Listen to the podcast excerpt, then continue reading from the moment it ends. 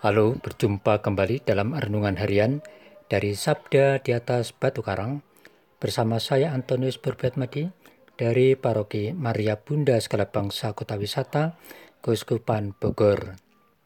Saudara-saudari yang terkasih, hari ini Selasa tanggal 29 Maret adalah hari biasa Prapaskah Pekan keempat.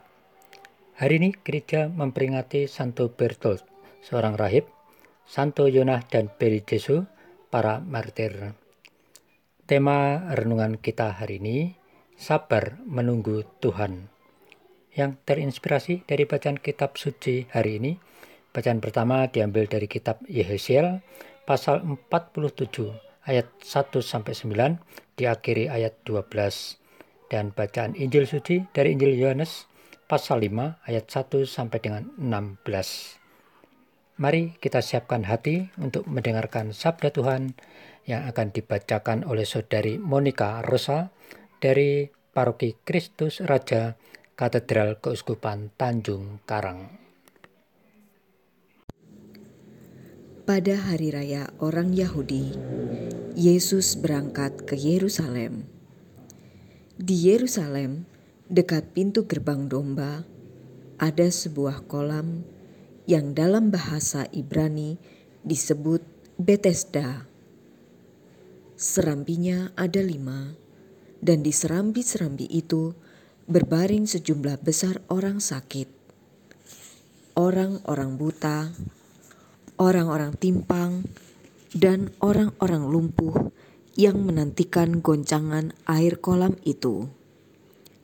Sebab Sewaktu-waktu turun malaikat Tuhan ke kolam itu dan menggoncangkan air itu, barang siapa yang terdahulu masuk ke dalamnya sesudah goncangan air itu menjadi sembuh, apa pun juga penyakitnya.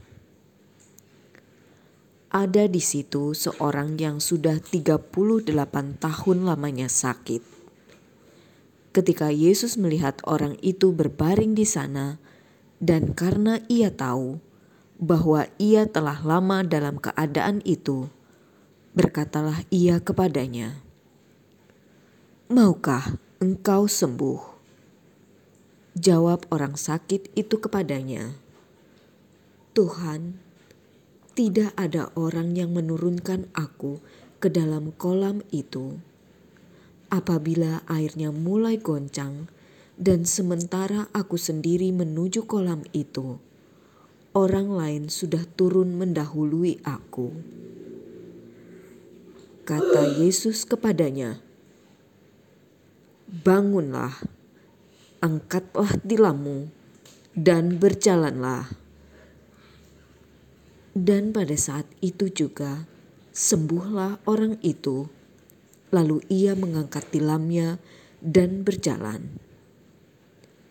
Tetapi hari itu hari Sabat.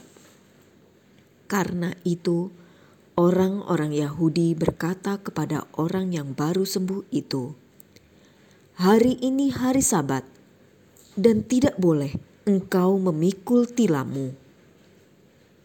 Akan tetapi ia menjawab mereka, "Orang yang telah menyembuhkan aku dia yang mengatakan kepadaku, "Angkatlah tilammu dan berjalanlah." Mereka bertanya kepadanya, "Siapakah orang yang berkata kepadamu, 'Angkatlah tilammu dan berjalanlah'?" Tetapi orang yang baru sembuh itu tidak tahu siapa orang itu, sebab Yesus telah menghilang ke tengah-tengah orang banyak di tempat itu. Kemudian, ketika bertemu dengan dia dalam bait Allah, Yesus lalu berkata kepadanya, "Engkau telah sembuh.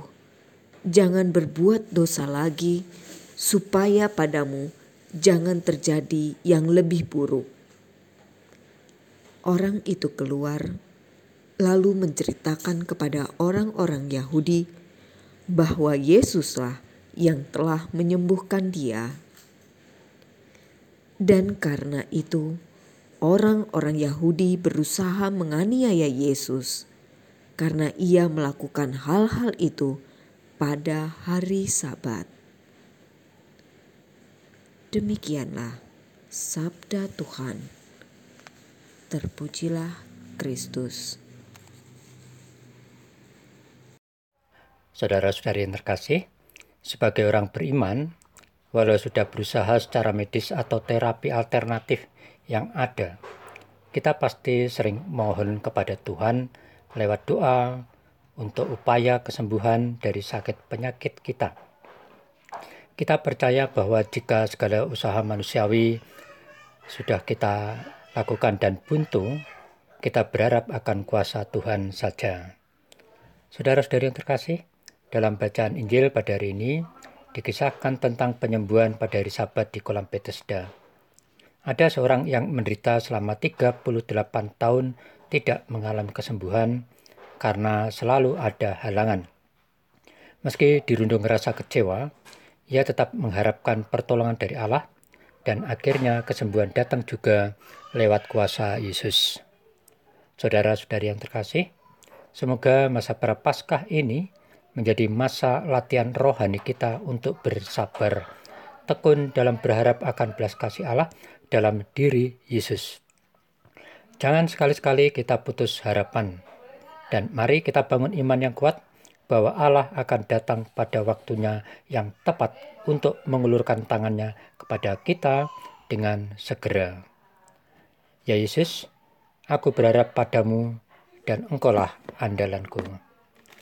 Amin.